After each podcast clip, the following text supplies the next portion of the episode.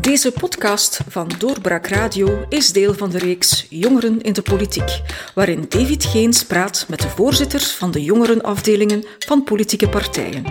Hij peilt naar hun persoonlijke motivatie en standpunten, maar wil ook weten of jongeren een rol van belang kunnen spelen in de politiek. Alle jongerenvoorzitters werden uitgenodigd, maar sommigen hebben de uitnodiging nadrukkelijk afgeslagen. Luister zeker ook naar de andere podcasts in deze reeks. Welkom, beste luisteraars, bij een nieuwe episode van Doorbraak Radio, de podcast van doorbraak.be. Deze episode hoort thuis in de reeks Jongeren in de Politiek en vandaag is mijn gast Philip Brusselmans, voorzitter van de Vlaams Belang Jongeren. Welkom, meneer Brusselmans. Goedemorgen. Meneer Brusselmans, mijn eerste vraag waarmee ik bij iedereen begin is uh, naar uw persoonlijke achtergrond met uh, ja, eigenlijk de vraag, wanneer bent u in politiek geïnteresseerd geraakt? Was daar een concrete aanleiding voor? Uh, dat is natuurlijk te zien hoe breed dat u politiek definieert. Want ik heb zo vaak het gevoel dat als mensen naar dat politiek engagement vragen, ze onmiddellijk ehm, kijken naar het partijpolitieke engagement. Ik zie dat vooral breder. Ik denk dat uh, rond mijn vijftiende, zestiende verjaardag ik uh, stilaan geïnteresseerd begon te geraken in het fenomeen van het besturen van een maatschappij en in vele politieke uh, filosofieën of verschillende ideologische stromingen daarvan. En dat kwam eigenlijk vooral door veel te beginnen lezen. ik heb altijd een, een fervente lezer geweest, maar de politieke boeken of de filosofische boeken ben ik pas uh, rond mijn 15e, 16e uh, levensjaar beginnen aansnijden. En dat heeft eigenlijk voor een uh, soort interesse gezorgd. En dat is zich meer gaan verdiepen van het moment dat ik ging gaan studeren. Ik heb gestudeerd aan de Universiteit Antwerpen. En daar ben ik in contact gekomen met het KVAV, het Katholiek Vlaams Hoogstudentenverbond, waar ik ehm, ook lid van ben geweest, waar ik ook twee jaar prezes van ben geweest. En het is daar dat ik intensief uh, met politiek uh, in contact kwam, op verschillende niveaus, zowel metapolitiek als partijpolitiek, uh, door het organiseren van debatten, door het hebben van uh, inhoudelijke discussieavonden um, enzovoort. En zo kwam ik dan ook in contact, uiteraard, met politieke figuren, partijpolitieke figuren en partijvoorzitters. En um, ja, daar is moeilijk een duidelijk moment op te kleven, maar het is eigenlijk zo dat ik een beetje binnen uh, de partij het Vlaams Belang ben gerold. En uh, nu zit waar ik zit, met name uh, als jongste verkozen in het Vlaams parlement. En sinds kort ook, dankzij het vertrouwen van onze jongeren, als voorzitter van de Vlaams Belang Jongeren. Welke boeken zijn er u zo nog bijgebleven die u in die periode hebt gelezen en waarvan u zegt dat heeft toch ergens een beetje een rol gespeeld of dat is een boek dat ik me altijd zal blijven herinneren? Oh, um, ik, een van de eerste boeken die me echt uh, naar binnen schiet, binnen schiet, is Botsende Beschavingen van, uh, van Samuel uh, Huntington.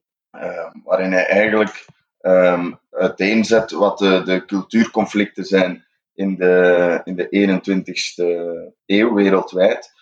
maar ik denk zeker ook aan, aan boeken zoals Beauty van die toch ook wel een invloed of een impact hebben gehad op hoe ik kijk naar de wereld en meer bepaald op het culturele veld, waar ik vandaag de dag um, toch ook wel intensief mee bezig ben. Maar dat gaat eigenlijk nog, nog veel verder ook. Ook bepaalde werken van Thomas van Aquino bijvoorbeeld hebben mij, uh, hebben mij daartoe uh, toe aangezet. Was er bij u thuis veel aandacht voor politiek? Quasi niet heel, eigenlijk. Um, ik denk dat, net zoals vele Vlamingen, uh, mijn beide ouders en een breder gezin ook, in uh, het geloof in de politiek een beetje verloren hadden. Ze volgden dat wel op afstand natuurlijk, zoals vele Vlamingen dat zullen doen. Alles wat effect heeft op hun eigen leven is interessant. Uh, maar echt een interesse voor politiek um, is nooit aanwezig geweest binnen mijn gezin, binnen mijn opvoeding.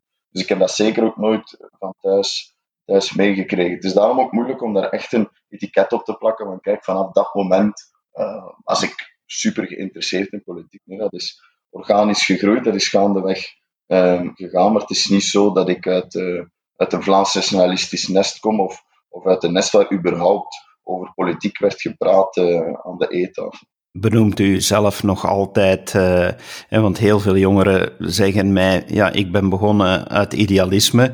Uh, u bent ook nog jong, dus benoemt u zelf nog steeds als een idealist? Deels wel. Um, ik vind dat er vaak een heel negatieve connotatie wordt gegeven aan, uh, aan het idealisme, hè, met name naïviteit, soms ook dommigheid. Um, maar ik durf dat toch een beetje tegenspreken. Ik denk iemand die zonder een bepaald uh, element aan idealisme in de politiek of in de partijpolitiek stapt, um, dat hij niet goed bezig is. Wat ik vaak opmerk is, is misschien een, een grover woord dat ik gebruik, maar dat dat vaak net de opportunisten zijn, die daar voor uh, persoonlijk gewin, voor persoonlijke carrière in zijn gestapt. Als je in de politiek gaat, um, meedoet aan het partijpolitieke circus, zoals ik het vaak noem, dan is dat toch, of vind ik, dat zou moeten zijn om iets te veranderen in de maatschappij. En dat doe je uit een soort idealisme. Als dat element ontbreekt, dan vraag ik mij af wat je eigenlijk in de politiek zit te doen. U bent nu voorzitter van de Vlaams Belang Jongeren. Wat heeft u getriggerd om voor Vlaams Belang te kiezen? U verwees al naar uw studententijd, maar ja, u heeft dan toch bewust de keuze gemaakt voor deze partij. Wat uh, spreekt u zo aan om uh, te kiezen voor hen? Ja, er zijn vele elementen. Hè. Daar zou ik uren over, uh, over kunnen spreken. Ik denk eerst en vooral Um, de reden waarom ik de stap heb gezet naar het Vlaams Belang, de, de katalysator daar, was mijn geloof in het Forza Flandria-project van onze voorzitter. Als prezes van KVAV ehm, ben je um, voorzitter van een vereniging die vol Vlaams nationalisten zit, maar van verschillende politieke strekkingen wel. Ik denk dat er een paar christendemocraten bij ons zaten. was een minderheid, maar toch ze waren aanwezig en, en welkom ook. Um, ik denk dat we met veel uh, meer liberaalere Vlaamse nationalisten zaten, die ik dan gemakkelijkheidshalve huisvest bij de NVA. En dan had je de meer um, rechtlijnige rechts um, nationaal, nationalisten, die ik dan plaats bij het Vlaams Belang. En mijn, een van de moeilijke opdrachten tijdens mijn uh, prezesschap bij het KWAV was het verenigen van die drie voor hetzelfde doel. Hè. Bij KWAV was dat vooral um, voor het, uh, het onafhankelijk Vlaanderen, uh, dat aspect. En een van de dingen die mij dan aansprak bij het Vlaams Belang, en meer bepaald bij onze voorzitter Tom van Grieken, was net dat Forza Flandria-project, het doel om de Vlaamse krachten, om ook de rechtse krachten te verenigen, om eigenlijk het grotere doel te bereiken, om eindelijk dit land, uh, Vlaanderen, dan in een andere plooi te kunnen leggen. En dat is toch wel voor mij de katalysator geweest, waardoor ik heb gezegd van kijk, oké, ik ga die stap wagen en ik stap mee in dat project. Maar er zijn natuurlijk nog vele andere redenen waarom ik al, uh, al lang dichter aanleun bij het Vlaams Belang dan bij andere partijen. Ik denk dat Vlaams Belang de partij is die nog steeds en meer dan ooit durft zeggen waar het op staat, zonder daar doekjes om te winden. Um, Vlaams Belang is ook een partij die zich niet in bochten zal um, wringen voor eigen win, voor de politieke postjes, zoals we vandaag uh, meer dan ooit zien, naar mijn mening. Wij zijn rechtlijnig en vooral ook principieel. En uh, dat vind ik toch ook heel belangrijk aan een, uh, aan een politicus en aan een politieke partij. En ik denk dat je op die manier ook, maar dat is dan weer een andere discussie, het geloof in de politiek um, vanuit de burgers toch ook wel een stuk zou kunnen herstellen als politici eindelijk eens beginnen uitvoeren um, wat ze beloven. En ik weet dat dat bij onze partij zeker uh, het geval zou zijn de dag dat wij ook uh, mee mogen besturen. En natuurlijk, ik uh, heb als student zeven jaar in, in de horeca gewerkt, eerst als scholier. Um, en daar zag ik eigenlijk een rode draad van problemen. Je komt in contact, vaak in cafés gewerkt, volkscafés, in contact met verschillende mensen, verschillende typen mensen, verschillende lagen van de maatschappij, van de arbeider die na zijn nachtshift nog een pintje komt drinken, tot de zakenman die over de middag uh, snel een koffie komt nuttigen. En um, toch kan je daar een rode draad trekken doorheen die problemen. En dat is dat mensen een onrechtvaardigheidsgevoel dat ze bang zijn om uh, geen pensioen meer te hebben later, om te weinig pensioen te hebben later, dat ze bang zijn om hun werk te verliezen en dat ze zich meer of meer en meer vaker um, vreemde voelen in hun eigen buurt. En ik denk dat dat punten zijn waar het Vlaams Belang de enige juiste oplossing voor heeft, naar, naar mijn bescheiden mening. En dat is in een notendop eigenlijk waar, waarom ik ervan van overtuigd ben dat ik de juiste partij heb gekozen, of waarom ik toen die, die keuze heb gemaakt. Maar met de tijd vordert ben ik alsmaar meer en meer bevestigd rond uw partij heeft natuurlijk al heel lang de sfeer hangen van een, een cordon, zal ik het maar algemeen noemen. Die, een partij die beter gemeden wordt. Denkt u dat op dit moment de sfeer veranderd is en dat uw partij eh, wel aantrekkelijk kan zijn voor jongeren? Voor jongeren zeker wel. Nu, het cordon is veel breder. Um, ik denk wel dat er een dediabolisering is in de maatschappij, niet alleen bij jongeren, maar uh, het is een niet onbelangrijke doelgroep waar dat zich, uh, zich voordoet, die dediabolisering. Trouwens ook een van de, van de speerpunten of van de doelen van de Vlaams Belang jongeren. En dat is om die leugens en die vooroordelen die over uh, het Vlaams Belang verspreid worden, om die te weerleggen, om daar antwoorden op te geven. En dat is een niet onbelangrijk element in de werking van Vlaams Belang jongeren. Maar ik denk wel dat wij daar uh, deels aan in geslaagd zijn. Als ik kijk naar onderzoeken die zijn gehouden na de verkiezingen, dan zijn wij zeker qua kiespotentieel uh, de grootste partij bij uh, jonge mannen.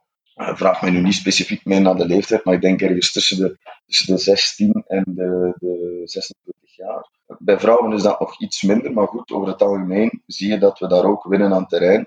En dat lijkt mij ook logisch. Ik denk niet dat de jeugd vandaag nog meegaat in dat ondemocratische verhaal van een cordon. Met, met hem mag je niet praten, of met die partij mag je niet um, gezien worden. Dus natuurlijk totaal belachelijk. Dat was het gisteren al.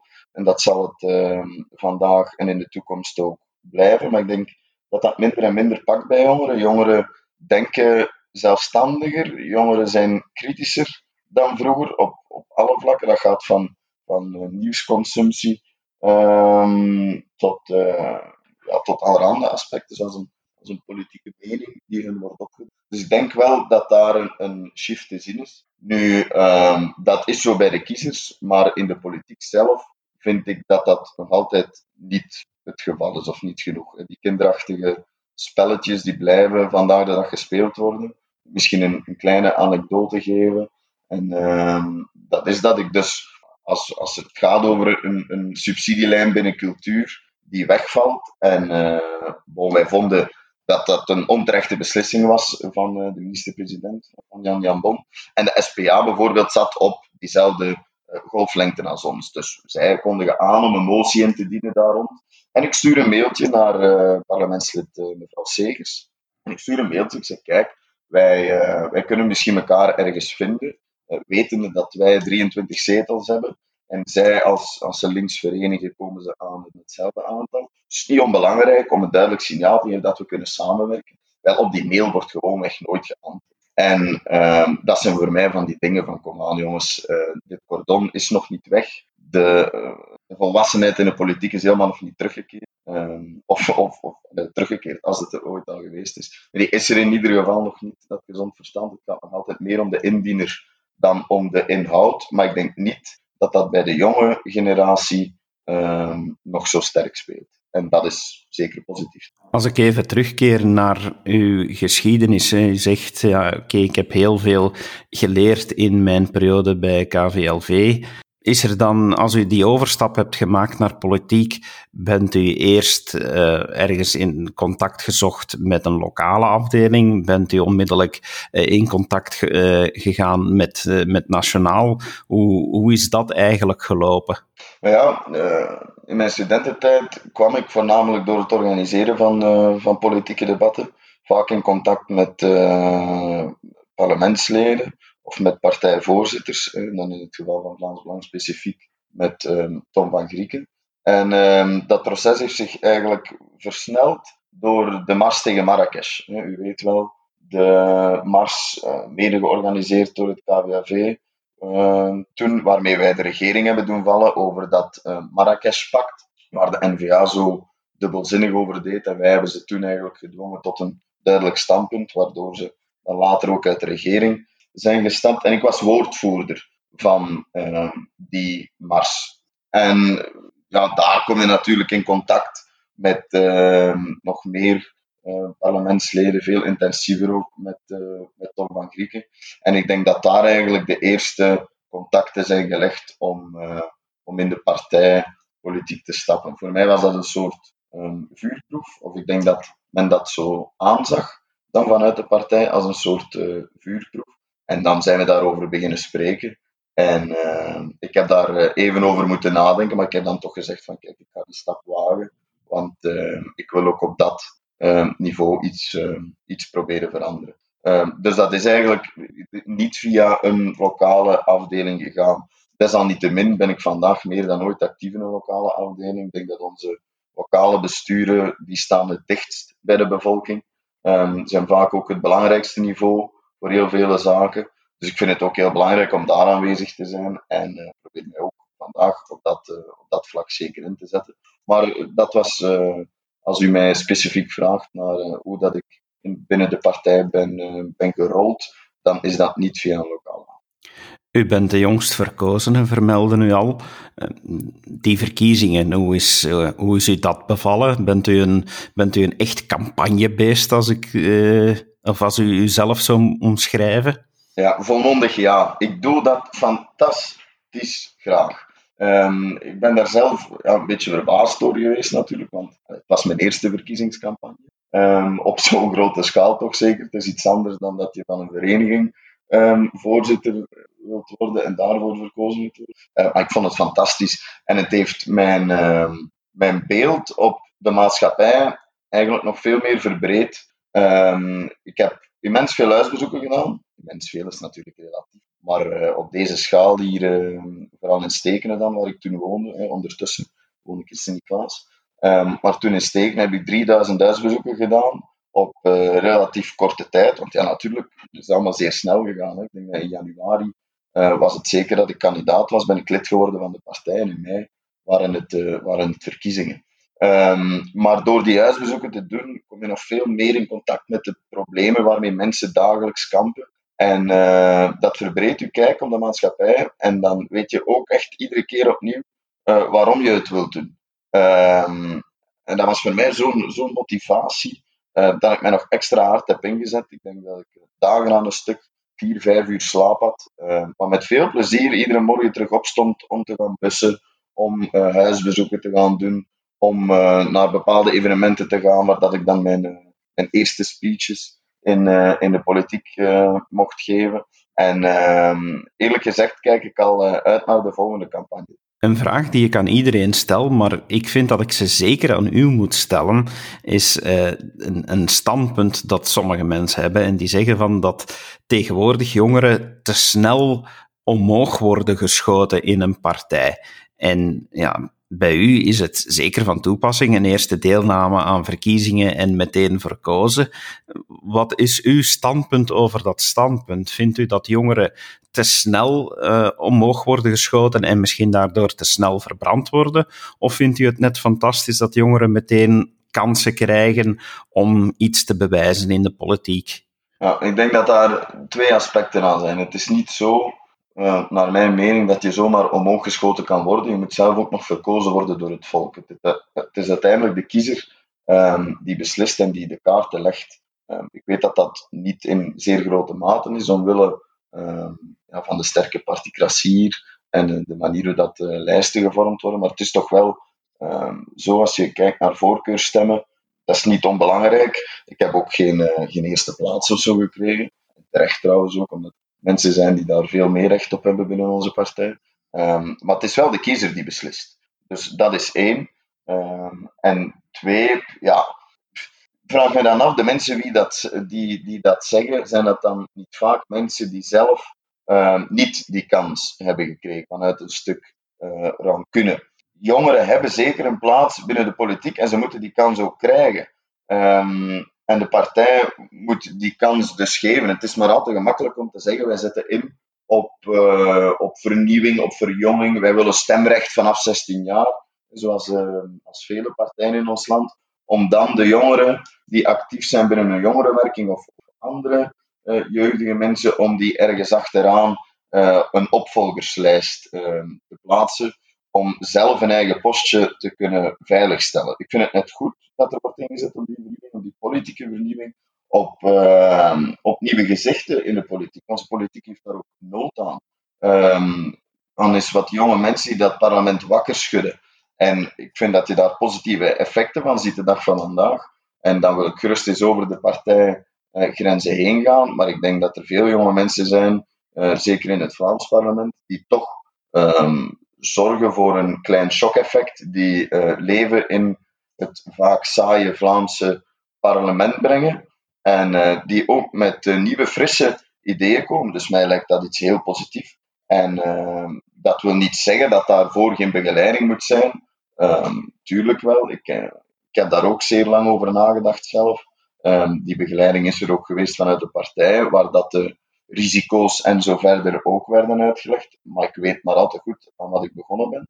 En uh, ik denk, of ik hoop toch althans, dat uh, andere jonge, geëngageerde politici dat, uh, dat ook weten. Ik vind zo vaak die stempel van leeftijd um, onterecht. Je kan moeilijk arbitrair bepalen hoe klaar iemand is om een mandaat uit te oefenen op een bepaalde leeftijd. Dat verschilt van persoon tot persoon. En uiteraard moet je die grens ergens trekken. Wij hebben die in dit land hier terecht uh, gelegd op 18 jaar.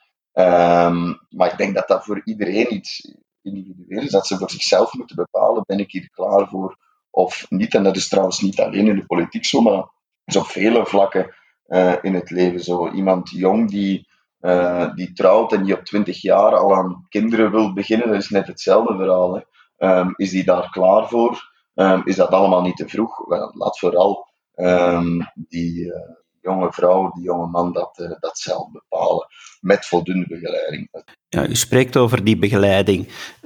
Is er, is er veel vorming vanuit de moederpartij naar jongeren toe? Maar ja, um, natuurlijk twee verschillende aspecten. Als ik daar juist sprak over de vorming die, die ik heb gekregen, dan was dat als kandidaat voor, uh, voor het Vlaams parlement, dus voor de, de, moederpartij, om het zo te zeggen. Hè.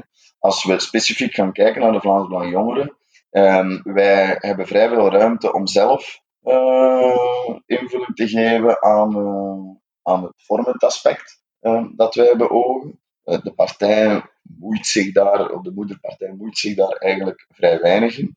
Langs de andere kant is het zo, ik wil daar niet hypocriet over doen. Um, Vlaams Belang Jongeren is natuurlijk een, uh, een deel, een verlengstuk van, van de moederpartij, die zich focust op een bepaalde doelgroep. Ik hekel vaak de jongeren die zeggen, ja, um, of die, die binnen een jongerenpartij actief zijn en die dan tegenovergestelde standpunten nemen als een moederpartij, maar dan tijdens de verkiezingen wel samen op een en dezelfde kieslijst gaan staan. We hebben zo'n voorbeeld van een oud-jongerenvoorzitter van de, van de Open VLD, die op dit moment in het Vlaams parlement zetelt. En zijn speerpunt als jongerenvoorzitter was altijd stemrecht op 16 jaar. En um, begin deze legislatuur komt daar zo'n voorstel op tafel. Ik denk dat het Groen was, um, de fractie Groen, dat dat toen indiende. En dan stemt hij zonder blikken of blozen tegen. Dus ik wil daar ook niet hypocriet over doen. Um, wij strijden helemaal niet tegen onze moederpartij. wij hebben een bepaalde vrijheid, uiteraard. Maar iemand die zich engageert voor Vlaams Belang Jongeren, die schaart zich wel achter de standpunten van de moederpartij. Dus qua, qua vorming, wij hebben iemand specifiek, of ik heb nu iemand specifiek opgenomen in mijn bestuur die voor vormende activiteiten zal instaan. Nu, um, ik ben nog maar recent voorzitter en ook wegens de crisissituatie nu uh, is daar nog geen concrete invulling aan gegeven. Um, maar het is wel iets dat wij uh, quasi uh, autonoom bepalen of bepalen. het is niet zo dat daar veel bemoeienissen bij komen kijken. U zit natuurlijk in een partij waar momenteel een voorzitter is die zelf gepokt en gemazeld is geworden dankzij zijn voorzitterschap van de Vlaamse Belangjongeren. Voelt u dat dat nu een verschil maakt, dat u, dat u daarmee als nieuwe jongerenvoorzitter een, een goede band heeft met de, met de moederpartij? Kunnen jullie als jongeren echt een rol spelen in, uh, in, in heel de werking van, van het ganse Vlaams Belang? Ja, um, zeer zeker wel. Um, maar ik weet niet of dat, dat per se te maken heeft met het feit dat, uh, dat onze voorzitter zelf voormalig uh, jongerenvoorzitter was. Er zijn al heel veel Vlaams Belang jongerenvoorzitters geweest in het verleden, die fantastisch werk hebben verricht en uiteindelijk nooit partijvoorzitter ehm, zijn geworden. Ik weet niet of dat die twee iets met elkaar te maken hebben, maar het moet gezegd zijn, en dat is onmiskenbaar, en ik denk dat de buitenwereld dat ook wel ziet, is dat, de, dat onze voorzitter Tom van Grieken wel degelijk um, inzet op, uh, op die jonge mensen. Hè. Dat hij uh, niet liever uh, ziet dan dat daar een, een, groepje aan talentvolle mensen ontstaat die zich inzetten voor de rechts-Vlaams nationale zaak. Maar om nu te zeggen dat die twee direct aan elkaar gelinkt zijn, dat, dat zou ik zeker niet, durven doen. Maar wij krijgen voldoende kansen en ook qua inspraak. Bij ons is het zo, bij onze partij, dat de voorzitter van Vlaams Belang Jongeren ook wordt opgenomen binnen het partijbestuur. Dus dat is zeker mogelijk om, om invloed te hebben en om mee te denken over de lijnen die, die onze partij moet volgen. Ik, ik, sprak een tijd geleden met Tom van Grieken en ik uh, stelde hem ook een vraag naar de, de Vlaamse regeringsvorming en uh, wat daar allemaal gebeurd is. Hoe hebt u die periode ervaren? Van, hoe kijkt u daar nu op terug?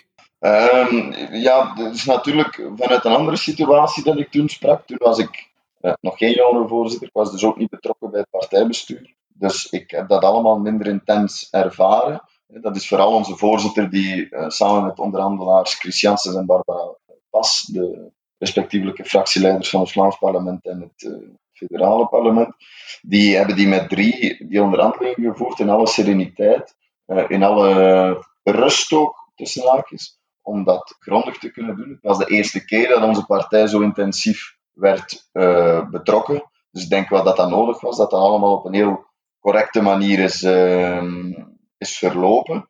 Ehm, hoe heb ik dat persoonlijk ervaren? Wel, eh, vol spanning natuurlijk. Hè. Ik was enthousiast um, dat er eindelijk ging geluisterd worden naar de. Um, om niet al te negatief te zijn, denk ik dat op sommige punten die onderhandelingen toch nog wel altijd doorwegen vandaag. Vooral op cultuurvlak heb ik dat altijd van dichtbij ervaren. Hoewel dat de kar nu een beetje is gedraaid nog. Dat, um, dat terzijde. Um, maar dat was natuurlijk, ja, ik, uh, ik keek daar uh, hoopvol uh, naartoe. Maar ik, het is niet zo dat ik meer wist dan, dan de meeste mensen hoor. Die afspraak was gemaakt om. Wij, wij hebben het vertrouwen gegeven aan de voorzitter, aan de, aan de fractievoorzitters, om die onderhandelingen te doen. En ik had daar het volste vertrouwen bij dat zij alles zouden doen wat ze konden om, om onze kiezers te verdedigen. En ik denk dat ze dat ook gedaan hebben. Het is niet door hen dat de onderhandelingen stuk zijn gesprongen. Dus ik kan ze daar alleen maar voor, voor feliciteren. U verwees al naar het groeipotentieel dat uh, uw partij heeft bij jongeren. Jongeren hebben ook een belangrijke rol gespeeld bij het recente ver, verkiezingssucces die jullie hebben gehad. En ja, toch zitten jullie nu in de oppositie denkt u dat, uh, en dan heb ik het zeer specifiek over jonge mensen, dat door, door, niet alleen door die situatie, maar door het ganse politieke spel, waar dat dit uh, louter een voorbeeld van is, dat jongeren een degoe krijgen van politiek? Uh, ja, maar ik denk niet alleen jongeren. Ik denk het gros van, van, van de Vlamingen. en dat hoeft ook niet te verbazen. Hè. Al die partijen zitten altijd bij elk onderzoek of elke peiling te te klagen over het, uh, het gebrek aan vertrouwen in de politiek vanuit, vanuit de burger. Uh, maar dat hoeft natuurlijk niet te verbazen als je systematisch um, een partij uitsluit, 800.000 kiezers wegzet als laaggeschoold, als dom. Als je continu beloftes verbreekt, uh, denk aan, aan de regering, was nog niet goed en wel gevormd. De verkiezingen waren nog niet, uh, de stemmen waren nog niet goed en wel geteld. Of de woonbonus, die niemand ging afschaffen, die was al weg. Ja, natuurlijk voel je je dan bedrogen als burger. En uh, als heel dat circus daarna daar dan ook bij komt, hoeft dat niet te verbazen dat mensen hun vertrouwen in de politiek verliezen. Uh, dat lijkt mij niet meer als normaal. En de schuldigen zijn de traditionele partijen die keer op keer datzelfde doen. zich eerst afvragen hoe het komt, om dan opnieuw dat vertrouwen um, van de burger te beschamen.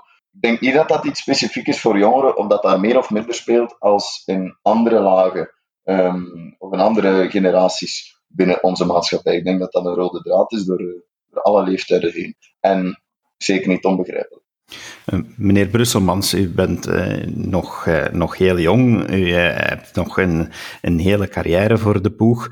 Maar zijn er dan niet veel mensen die toch naar u toestappen en eigenlijk zou zeggen tussen neus en lippen, Filip jongen, wat zoekt jij nu eigenlijk in de politiek? Waarom gaat een jong talent, in, in, uh, iemand zoals jij, eigenlijk nog iets zoeken in de politiek? Is dat een vraag die u veel voor de voeten geworpen krijgt?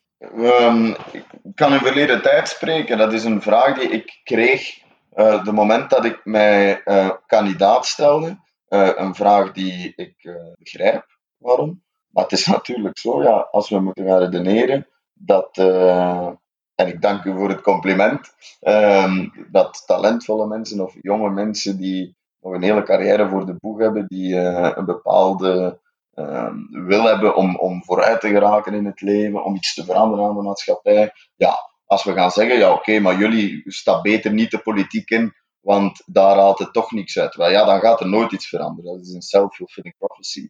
Um, het moet net uh, een reden zijn om wel in de politiek te gaan. Om te zeggen, kijk, nee, wij gaan het wel anders doen. Gedaan met die oude krokodillen, gedaan met die postjespakkerij, met uh, die vriendjespolitiek. Nee, ik stap erin uh, met goede bedoelingen en uh, vooral om echt iets te kunnen veranderen. Dat moet net de reden zijn. Waarom zeg ik dat dat in het verleden aan mij gevraagd werd en niet meer vandaag? Dus omdat mensen ook wel zien, ik communiceer zeer veel naar buiten toe, ik vind dat ook belangrijk, dat het uh, transparant is wat ik doe, want uiteindelijk werk ik voor en door uh, de Vlaming, door mijn kiezers en voor mijn kiezers. En um, ik vind het zeer belangrijk om transparant te communiceren met wat ik dan eigenlijk bezig ben. Politici zouden dat beter veel meer doen, want ik heb het gevoel, ik ben daar zeker van, dat vele Vlamingen eigenlijk niet weten met wat wij godganse dagen bezig zijn. Um, maar net door zo open te communiceren naar buiten toe, weten mensen ook wel die, die mijn parcours dan volgen, weten ze wel uh, met wat ik bezig ben. En um, dat ik dat ook vol vuur doe en dat ik het beste voor heb. En ik krijg nu meer van diezelfde mensen die mij vroegen voor um, de verkiezingen van waarom doe je dit in godsnaam, die weten vandaag maar al te goed waarom ik het doe. En, uh, en die zijn, min of meer toch de meeste, toch ook wel tevreden. Dus dat geeft mij nog een extra motivatie. Hebt u ooit schrik gehad om te kiezen voor het Vlaams Belang? Dat u daarmee verbrand zou zijn voor de rest van uw leven? Ja, uiteraard. Uh, maar moet mij dat tegenhouden uh, om, uh, om iets te doen? Helemaal niet. Ehm, dat is trouwens, ergens is dat, is dat wrang of zou dat niet mogen, dat iemand schrik moet hebben om te kiezen voor een bepaalde partij omwille van ehm, niet alleen uw professionele carrière of professionele relaties die daardoor een stuk uh, zouden verbranden, maar ook, uh, persoonlijk. Hè. Daar, eh, daar moeten we ook vinden. Die vrees was er. Maar um, ik denk dat die vrees ergens onterecht was. Want zeker als we vandaag, zoals ik daar juist al eens heb aangehaald, we zitten met die dediabolisering. En ik, um, ik geloof niet dat, uh, dat werknemers veel, of werkgevers tenminste, um, nog veel oordelen op basis van je politieke voorkeur.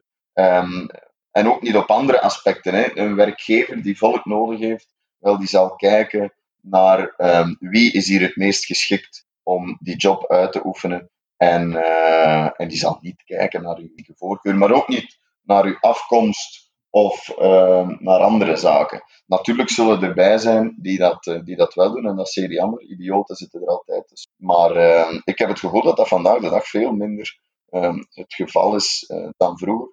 Natuurlijk, ik kan dat nu wel zeggen.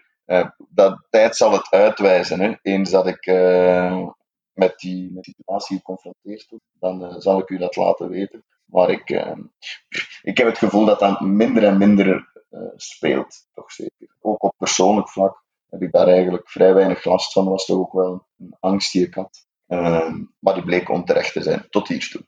En hoe zou u dan andere jongeren, of wat zou u tegen andere jongeren zeggen om hen te motiveren om uw voorbeeld te volgen? Um, ik zou in de eerste instantie wil ik aan jongeren duidelijk maken dat uh, ze niet beroerd moeten zijn om controversiële standpunten in te. Bij Vlaams Belang voeren wij een nationalistische strijd zonder compromissen. En uh, met als voornaamste doel om de discussie op gang te trekken. En um, jongeren moeten daar absoluut geen schrik van hebben. Als zij een bepaald politiek engagement uh, in zich hebben, als ze dat voelen opborrelen. En uh, ik kan daarvan meespreken, eens je dat voelt opborrelen, dan is dat heel moeilijk om dat nog te negeren. En ik zou zeggen, ga er dan gewoon, gewoon voor. Wees uh, rechtuit, volg uw idealen na en doe iets. Want als je niets doet en je blijft maar klagen en zagen vanuit je zetel, um, dan heb je eigenlijk een stuk medeschuld van het feit dat er niets verandert. Dus uh, ik zou oproepen, voel je onrechtvaardigheid, uh, denk je van kijk, ik wil mij inzetten voor die strijd, wel gewoon doen. Een laatste vraag die ik uh, aan iedereen stel als afsluitende vraag van wie is uw grote politieke voorbeeld?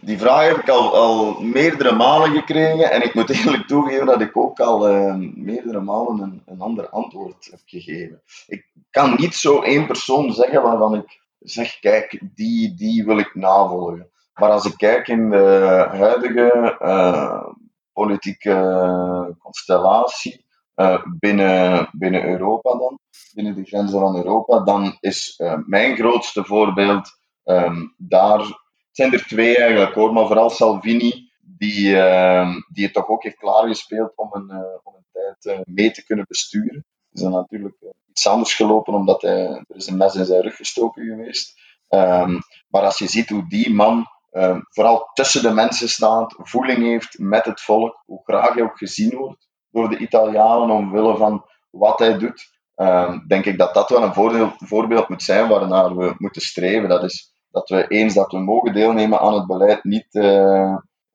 verwateren tot een, uh, een, traditionele partij, maar uh, blijven rechtlijnig zijn zoals, zoals Salvini dat ook doet en vooral de voeten op de grond en, en tussen de mensen blijven staan, want dat is nog altijd waarom je aan politiek moet doen, dat is voor Meneer Brusselmans, dank je wel voor uh, uw tijd in dit gesprek. Was uh, zeer verhelderend. Onze luisteraars zullen er heel veel van opgestoken hebben. Beste luisteraars, we hopen dat u genoten heeft van dit gesprek. We nodigen u natuurlijk ook uit om naar de andere gesprekken te luisteren in deze reeks Jongeren in de Politiek. En tot dan zeggen wij u ook, hou u gezond, hou u veilig en graag tot dan. Dag. Dit was een episode van Doorbraak Radio, de podcast van doorbraak.be. Volg onze podcast op doorbraak.be/slash radio of via Apple Podcasts, Overcast of Spotify. Bezoek ook onze website op doorbraak.be en steun ons door een vriend te worden van Doorbraak.